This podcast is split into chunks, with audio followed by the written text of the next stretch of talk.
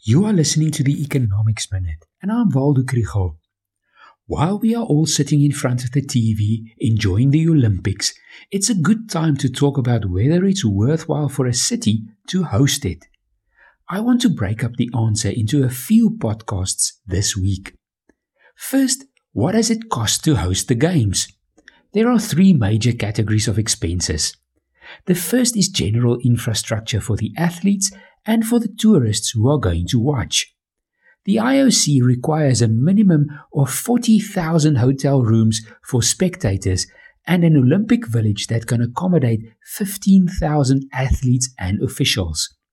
Along with that, transport facilities must be in place for all of these people. Second, there are the specialized sports infrastructure.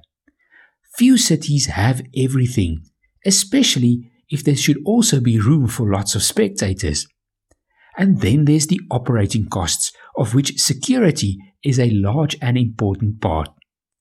It's often difficult to determine the exact cost of hosting the games.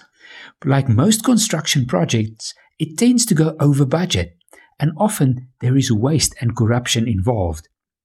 The best guess is that London 2012 cost about $11.4 billion, and Rio 2016 cost more or less $11.1 billion. It sounds like a lot, but can it be worth the money? Stay tuned to the Economics Minute for the rest of the story.